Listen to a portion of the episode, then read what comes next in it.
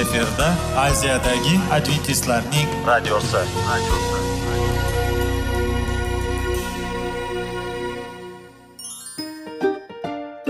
assalomu alaykum aziz radio tinglovchilar sog'liq daqiqasi rubrikasiga xush kelibsiz.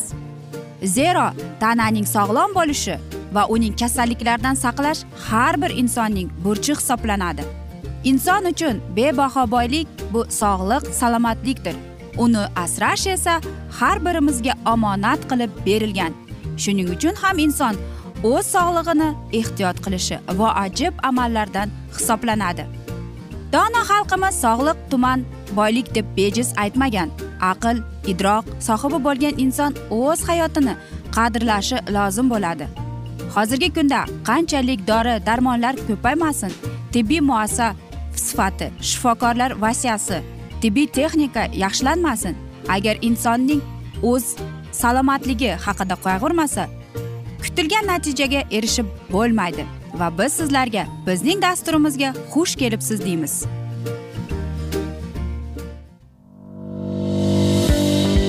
Sog'liq daqiqasi soliqning kaliti qiziqarli ma'lumotlar faktlar. Har kuni siz uchun foydali maslahatlar. Sog'liq daqiqasi rubrikasi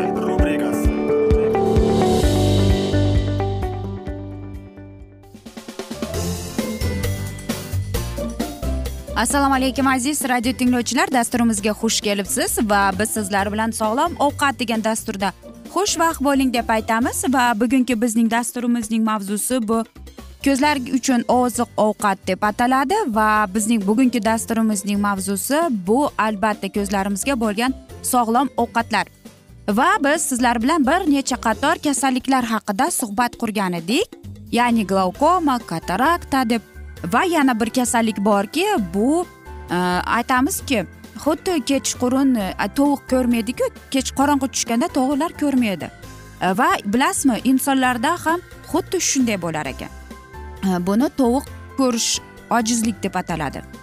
Ya'ni nima qilish kerak? Buning sabablari judayam ko'p. Lekin uni oldini olishdan avval biz birinchi o'rinda nima qilishimiz kerak? Birinchi o'rinda biz bilishimiz kerakki bizning tanamizda bizning ko'zlarimizga vitamin a yetishmayapti. Nimani iste'mol qilsak bo'ladi? Birinchidan biz ko'proq sabzini ko'paytirishimiz kerak o'rikni va mango. Chunki mango bu eng vitamin a boy bo'lgan meva hisoblanar ekan. Siz aytasizki yana oddiy narsalarmi? Lekin bir kunda bir mahal mangoni iste'mol qilsak ko'zlarimizga mana shunday vitamin a ni yetkazib kelamiz. Aziz do'stlar biz sizlar bilan e, sabzi haqida shpinat apelsinlar haqida suhbat qilgan edik. Lekin e, bilasizmi statistika bo'yicha hozirgi kunda har uchinchi inson ko'rish qobiliyati muammolaridan aziyat chekar ekan. Sabablar turxil masalan ekologiya irsiyat texnika buyumlar ta'siri ya'ni televizor kompyuter qo'l telefon. Lekin biz sabzavot mevalardan iste'mol qilishimiz kerak. Birinchi o'rinda ko'zlar uchun aytadiki pishiqchilik davrida ko'p miqdorda biz ya'ni chernika bu e, rezavor meva deb ataladi. E, uni yeyishimiz kerak. U o'zining shifobaxsh xususiyati bilan ajralib turadi. Ko'z to'r pardasidagi qon tomirlarini ishini jadallashtiradi. Ko'z toliqlanishini kamaytiradi. Mushak spazmlarini bartaraf etadi. Ko'rish qobiliyatini asrash va yaxshilashga yordam beradi deydi ikkinchidan miavtomiyadan aziyat chekuvchi barcha bemorlar e, ko'proq sabzi iste'mol qilishlari tavsiya etilgan. Uning foydasi bor. Miopiya bu kanyukuvit blifarit e, ya'ni shapko'rlik kabi kasalliklar bilan kurashishda ushbu sabzavot samaralidir e, muntazam ravishda sabzi tanovul qilish ko'rish qobiliyatini oshiradi charchoqni oladi va og'riqni kamaytiradi. Ko'rish e, ravshanligini oshirishga turtki bo'luvchilar qatorida yashil ko'katlar to'plami alohida o'ringa ega. Ya'ni petrushka ismaloq ukrop ya'ni shivit shovul ko'k piyoz va boshqa ko'katlar. Ko'kat tarkibi foydali mikroelementlar vitaminlarga to'yinganligi sababli yoshlik va to'laqonli ko'rish qobiliyatini uzoq yillar saqlab qolishga ko'maklashadi deydi olimlar. Kompressorlar ham o'zining ijobiy ta'sirini namoyon eta oladi. Masalan asal va achchiq choy bilan birlashmasi ko'pchilikka yaxshi tanish. Achchiq damlangan choydan ko'z kasalliklarida yalliqlanishni bartaraf etuvchi losyon sifatida foydalanish xalq orasida keng tarqalgan. Aloe o'simligi bargi ham ko'zga tomiziluvchi dorivor ko'rishma sifatida yaxshi samaraga ega. Aksariyat hollarda u suv yoki asal bilan aralashtiriladi. Bu malham ko'rish qobiliyatini oshiradi. Kartoshka suviga matoni namlab ko'z ostiga bosish mushaklar bo'shashtirib charchoqni oladi deydi. Kasallikni davolangandan uni oldini olish yengilroq bo'ladi deydi. Xo'sh biz aytamizki mana shunday narsalarni qilsak ko'rish qobiliyatimizning umuman olganda ko'zimizning e, kasalliklarni oldini olishga yordam beradimi? Albatta aziz do'stlar. Sabzini masalan qanday iste'mol qilsak bo'ladi? Uni xomligicha yoki qanday qilib pishirib olsak? Sabzini masalan e, kartoshka bilan qaynatib va boshqa e, sabzavotlar bilan aralashtirib qaynatilgan holda uni iste'mol qilsa u shirinroq tuyuladi. Yoki sabzilik sharbat. Bu eng yaxshi va eng foydaliroqdan hisoblanadi. Va u mana shu e, sabzining sharbatiga birozgina olmali yoki e, limon sharbatidan qo'shsangiz undanda mazaliroq va foydaliroq bo'ladi deymiz. Yoki aytaylik o'rik xo'sh o'rik. U bizning ko'zlarimizga sog'lom nurni beradi va albatta chiroylikni beradi. Xo'sh aziz do'stlar bilamiz hammamiz e, agar biz o'rikni iste'mol qilsak yuragimizga judayam e, foydali deb. Lekin ko'zlarimizga qanchalik o'rik foyda keltirishini hech ham bir o'ylab ko'rganmidingiz? Agar bizda masalan anemiya bo'lsa bizning ko'zimizning ko'rilishi ham pasayib qolar ekan. Uni qandaycha iste'mol qilsak bo'ladi deysiz? Albatta svejiy mana hozir olib kelgan bozordan xarid qildingiz yoki agar sizda огород bo'lsa daraxtdan uzib yuvib kelib iste'mol qilsangiz undanda foydaliroq quritilganlarni ham iste'mol qilsangiz kompot yoki qiyomidan ham iste'mol qilsangiz bo'ladi shuning uchun aziz do'stlar mana shu mevalarni sabzavotlarni iste'mol qilishga sizlarni tavsiya etamiz biz esa aziz do'stlar afsuski mana shunday asnoda bugungi dasturimizni yakunlab qolamiz chunki vaqt birozgina chetlatilgan. Lekin keyingi dasturlarda albatta mana shu mavzuni yana o'qib eshittiramiz. Va agar sizlarda savollar tug'ilgan bo'lsa biz sizlarni salomat klub internet saytimizga taklif qilib qolamiz. Yoki bizga whatsapp raqamimiz orqali murojaat etsangiz barcha qiziqtirayotgan savollaringizga javob beramiz deymiz. Plyus bir uch yuz bir yetti yuz oltmish oltmish yetmish plyus bir uch yuz bir yetti yuz oltmish oltmish yetmish bu bizning whatsapp raqamimiz yodda qoldiring va aziz do'stlar men umid qilamanki bizni tark etmaysiz deb chunki oldinda bundanda qiziq va foydali dasturlar sizlarni kutib kelmoqda deymiz va sizlarga sog'lik salomatlik tilagan holda xayr omon qoling deb xayrlashib qolamiz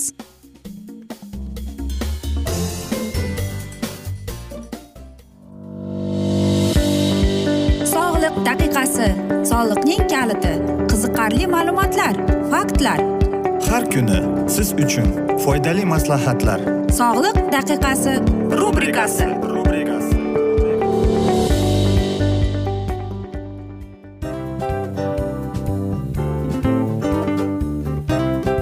Mana ha hayotda hamma narsaning yaxshi narsalar tugaydi va yakunlaydi degandek bizning dasturimizga ham yakun keldi o'ylaymanki bizning dasturimiz sizga foydali bo'ldi deb aziz radio tinglovchimiz. Va siz o'zingiz uchun kerakli xulosalar kerakli maslahatlar olib oldingiz. Aziz radio tinglovchimiz biz bilan qoling va keyingi dasturlarimiz albatta undanda qiziqroq bo'ladi. Mana shu alfozda sizlar bilan xayrlashib qolaman.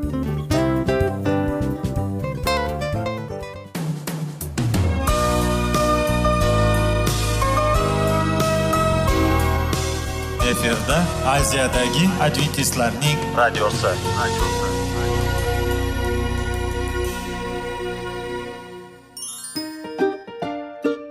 Assalomu alaykum aziz radio tinglovchilarimiz. Dil izhori dasturimizga xush kelibsiz. Pul insonni baxtli qiladimi? Albatta yo'q. Sog'liqchi. Albatta bo'lishi mumkindir. Lekin olimlar shuni isbotlashdiki to'liq va mukammal munosabatlar insonlarni baxtli qilar ekan. Albatta biz hayot davomida biz yaqin insonlar bilan odamlar bilan aloqada bo'lamiz va ular bilan munosabatlarimiz qanday kechadi qanday tuziladi? Yigit va qiz er va xotin ota ona va farzandlar va yaqin insonlar bilan. Balkim hozirgi vaqtda kimnidir hayoti yoki munosabatlari buzilyapti. Va bizning dasturlarimiz ularga yordam bo'ladi deb. Va oldinda sizlarni qiziqarli intervyular va mavzular kutyapti va biz umid qilamizki siz biz bilan qolasiz deb.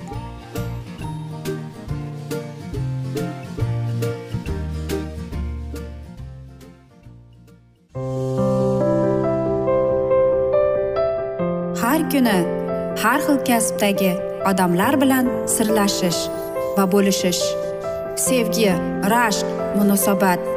Bularni hammasi dil izhori rubrikasida.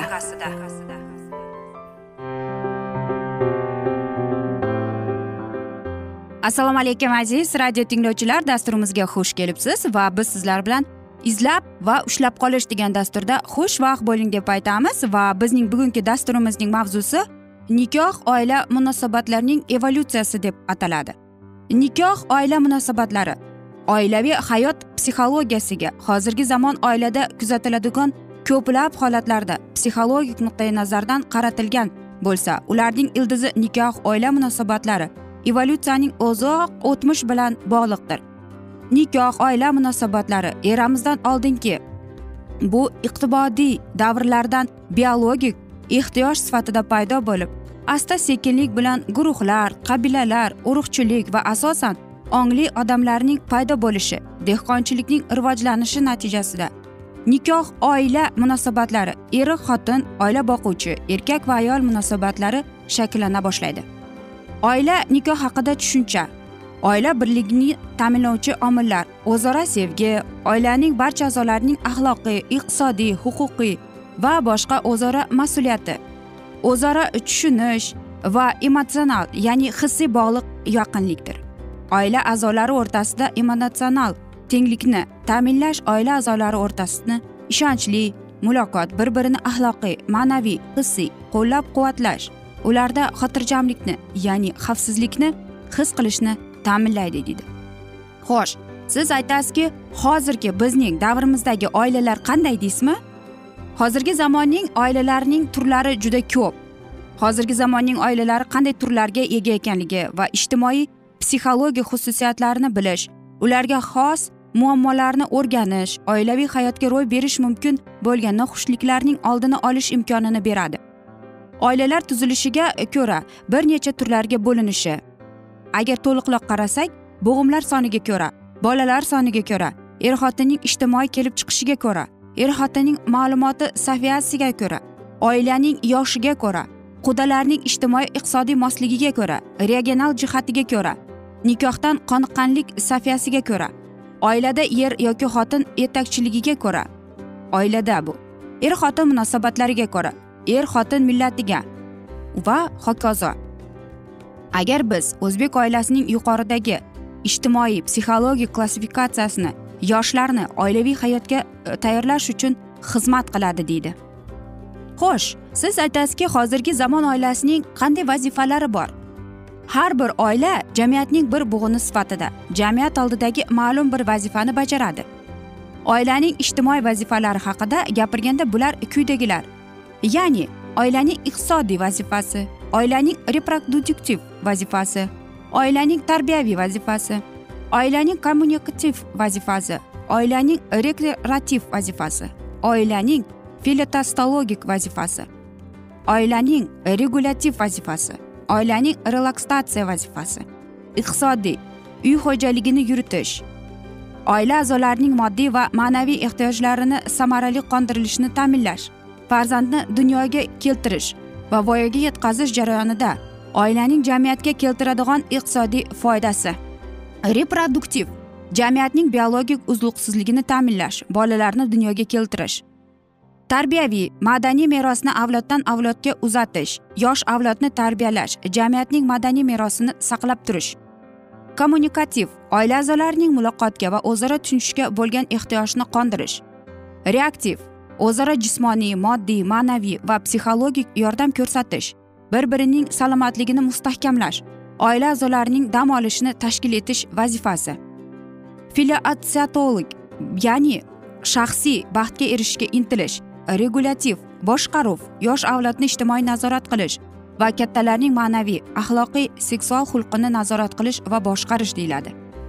Relaksatsiya va psixoterapevtik kasb faoliyatida sarflangan kuch quvvatini oilada katta qayta tiklash va emotsional zo'riqishlar ruhiy tanglik stresslarning oldini olish. Ruhiy zo'riqishlarni bartaraf etish. Va bilasizmi e, biz albatta aytamizki oila lekin oila ham e, bilasizmi bir kishi aytgan oila bir o'zgacha mamlakat. Ya'ni erkak u yerda prezident uning turmush o'rtog'i ya'ni ayoli vazir deyiladi yordamchisi ham e, buxgalter ham va hokazolar. Bolalari esa mana shu mamlakatda yashovchi fuqarolardir. Va mana shu fuqarolarni prezident bilan e, vazirning mana shunday vazifasi borki ularni yetuk kamol e, fuqarolar bo'lib yetishga. Ya'ni ularni moddiy ma'naviy tarbiyalash va ularning xulqiga nazorat solish va albatta qo'llab quvvatlash bu albatta e, ota ona o'ylaymanki har bir oilaga shunday qarash kerak. Ya'ni sizda uchta to'rtta bolasi bo'lsa demak siz ota onalar e, mana shu bolalaringiz sizning fuqarongiz va siz o'zingizning hayolingizda bir tasavvur qilib ko'ring. Sizning oilangiz siz mamlakatsiz. Siz mana shu mamlakatni yaxshilash uchun nima qilmoqdasiz? Mana shunday savollarni berib o'ting deymiz. Va albatta oilangizda hech qachon bir biringizni orangizda mehr muruvvat g'amxo'rlik va albatta sevgi uzilmaslik kerak. Faqatgina sevgida tarbiya topgan bolalar baxtli bo'ladi deyishadi. Biz esa aziz do'stlar mana shunday asnoda afsuski bugungi dasturimizni yakunlab qolamiz. Chunki vaqt birozgina chetlatilgan lekin keyingi dasturlarda albatta mana shu mavzuni yana o'qib eshittiramiz. Va agar sizlarda savollar tug'ilgan bo'lsa aziz do'stlar biz sizlarni plyus bir uch yuz bir yetti yuz oltmish oltmish yetmish plyus bir uch yuz bir yetti yuz oltmish oltmish yetmish bu bizning whatsapp raqamimiz. Va albatta barcha savollaringizga javob beramiz deb aytamiz. Va men umid qilamanki bizni tark etmaysiz deb chunki oldinda bundanda qiziq va foydali dasturlar sizlarni kutib kelmoqda aziz do'stlar. Biz esa sizlarga va oilangizga tinchlik totuvlik tilagan holda o'zingizni va yaqinlaringizni ehtiyot qiling deymiz va albatta seving seviling deb xayrlashib qolamiz.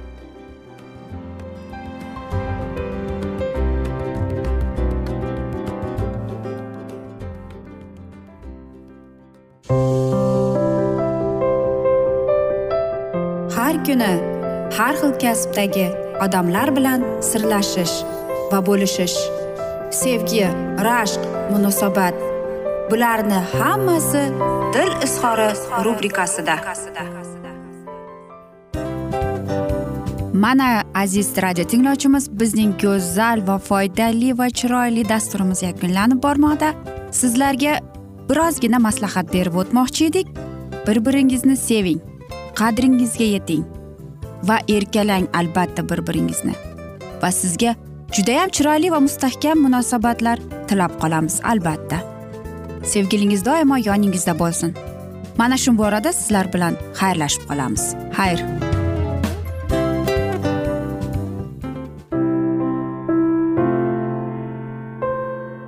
Hayotning noni. Qiziqtirgan savollar va javoblar. Buning hammasi ko'ngil uchun oziqa rubrikasida.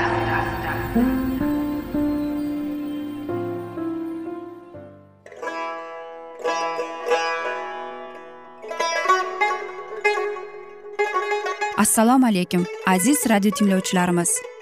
Ko'ngil uchun oziqa rubrikasida xush kelibsiz deymiz.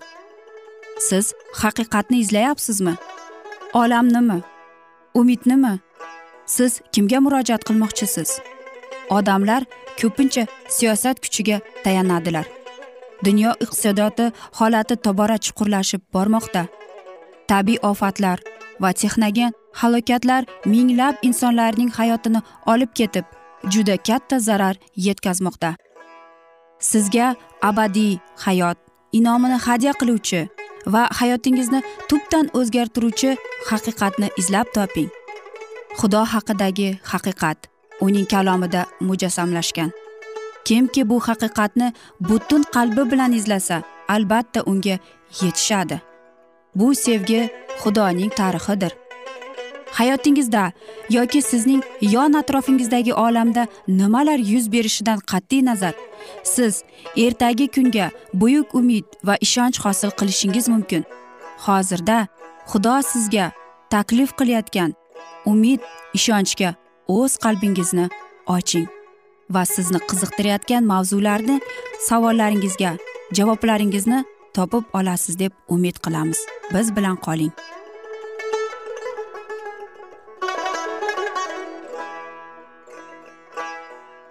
Assalomu alaykum aziz radio tinglovchilar. Dasturimizga xush kelibsiz va biz sizlar bilan ulug' otalar va payg'ambarlar degan dasturda xushvaqt bo'ling deb aytamiz va bugungi bizning dasturimizning mavzusi yoqub va uning aka ukalari deb nomlanadi va biz sizlar bilan o'tgan galgi mavzuni bugun yana davom ettiramiz. Yoqub dedi endi men sening yoningda misrga kelishimdan avval bu yerda. Sen ko'rgan shu ikki o'g'ling efraim va manasheni meniki deb bilgin. Ular men uchun kattalarim ruben va shimun bilan teng. Ular yoqubning shaxsiy o'g'illari sifatida qabul qilinib alohida tanlagan qabilalarning sulola boshliqlari bo'ldilar. Shunday qilib ruvim mensimagan to'ng'ichlik ikki barobar isroilda yusufga o'tishi lozim edi. Yoqubning ko'zlari qarilgidan ojizlangan sababli u yosh yigitlarni oldida turganliklarini payqab bular kim? deya so'radi. Javob eshitgach ularni menga keltirchi men ularni duo qilayin dedi. Ular isroilning yoniga yaqinlashganlarida ularni quchoqladi o'pdi. Keyin duo qilish uchun tantanali qo'llarini boshlariga qo'ydi va ibodat qildi. Otalarim ibrohim va ishoq uning oldida yurgan xudo umrim boshidan to bugungacha meni boqib kelgan parvardigorim har bir musibatdan meni xalos qilgan farishta bu o'smirlarni kut barakali aylasin. Isroil vujudida o'zbilarmonlik yoki insoniy donolikka tayanish yoki hiylagarlik deganlar qolmadi. Faqat xudo uni panohi va qasridir. O'tgan qiyinchiliklarni eslab shikoyat qilmas edi. Sinovlar va iztiroblar azoblar manbai deb endi boshqa sanamasdi. Uning butun musofirchilik hayotining davomida unga namoyon bo'lgan xudovandning mehri va muhabbat muhabbatini u unutmas edi. Duo qilganidan keyin yoqub o'g'ilga nazr ayladi. Uzoq davrlar davomida qul va azob chekib yashaganda kelgusi avlodlar uchun imonining shahodatini qoldirdi. U yusufga mana mening kunim bityapti. Xudo sizlar bilan bo'ladi va sizlarni ota bobolaringiz yeriga qaytarib keltiradi dedi. O'lim to'shagining oldida yoqubning hamma o'g'illari yig'iladilar va dedi jam bo'lingiz. Sizlarga ma'lum qilayin oqibatda sizlar bilan nelar yuz berarkin? Ey yoqub o'g'illari to'planib quloq solingiz tinglangiz otangiz isroilning vasiyatlarin vaqt vaqtincha xavotirlanib u farzandlarining kelajagini tasavvur qilardi. Har bir qabilaning tarixini ko'z oldiga keltirishga intilardi. Endi esa farzandlari otasining so'nggi duosini kutganlarida payg'ambarlarni ilhomlantirgan ruh ustiga tushdi va avlodlarining kelajagi payg'ambarlik vahiyda unga ochildi. U biri biri ketidan o'g'illarining ismlarini eslab har birining tabiatini tasvirladi va b har bir qabilaning kelajagini qisqacha karomat qilib berdi. Ey sen ruben mening to'ng'ichim mening qudratim yoshlik g'ururim sen shuhrat oshirding qudrat oshirding.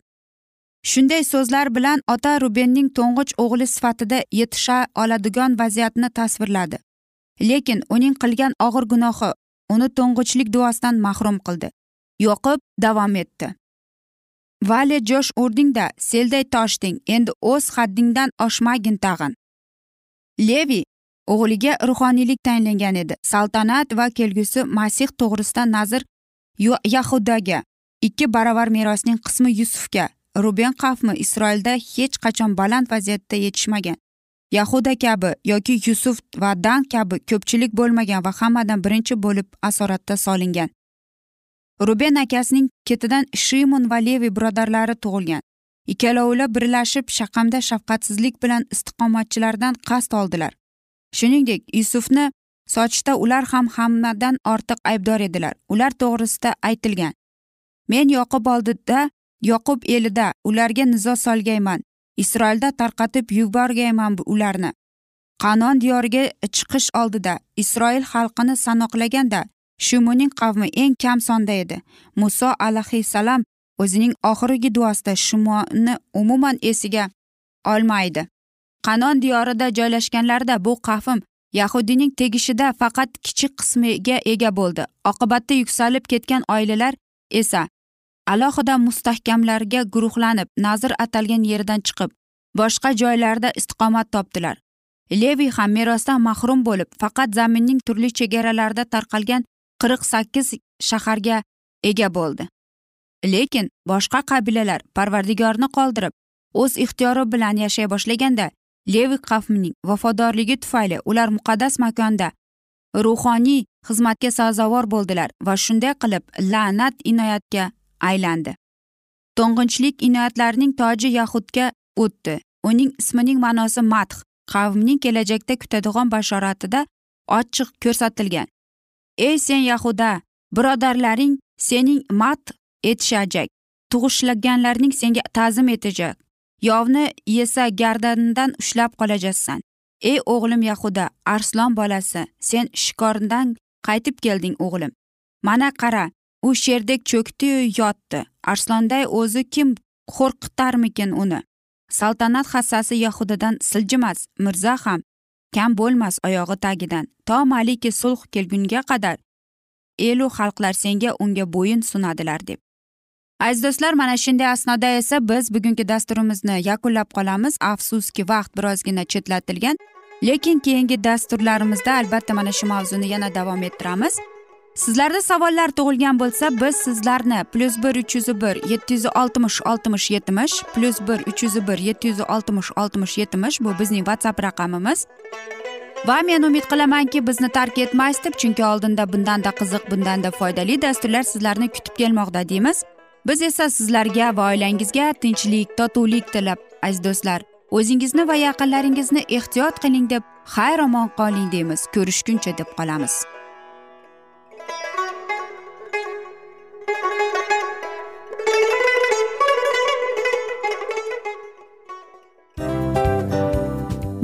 Aziz radio tinglovchimiz hamma yaxshi narsaning yakuni bo'ladi degandek bizning ham dasturlarimiz yakunlanib qolmoqda.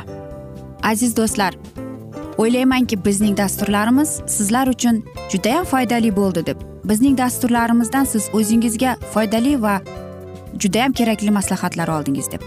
Masalan sog'liq borasida. Biz sizlarga sog'liq tilaymiz albatta lekin bizning maslahatlarimizga ham amal qilishga unutmang. Munosabatlarga kelganda bu munosabatlar chuqur va yaxshi bo'lishi uchun uni ustidan ishlash kerak albatta. Diniy masalaga kelsak aziz do'stlar bu judayam jiddiy va chuqur nazarni talab qiladi. Ammo biz sizlar bilan xayrlashib qolmaymiz keyingi dasturlarda eshittirishimizni davom ettiramiz va sizlar bilan mana shu yaxshi kayfiyatda xayrlashib qolamiz. Va keyingi dasturlarda ko'rishguncha xayr!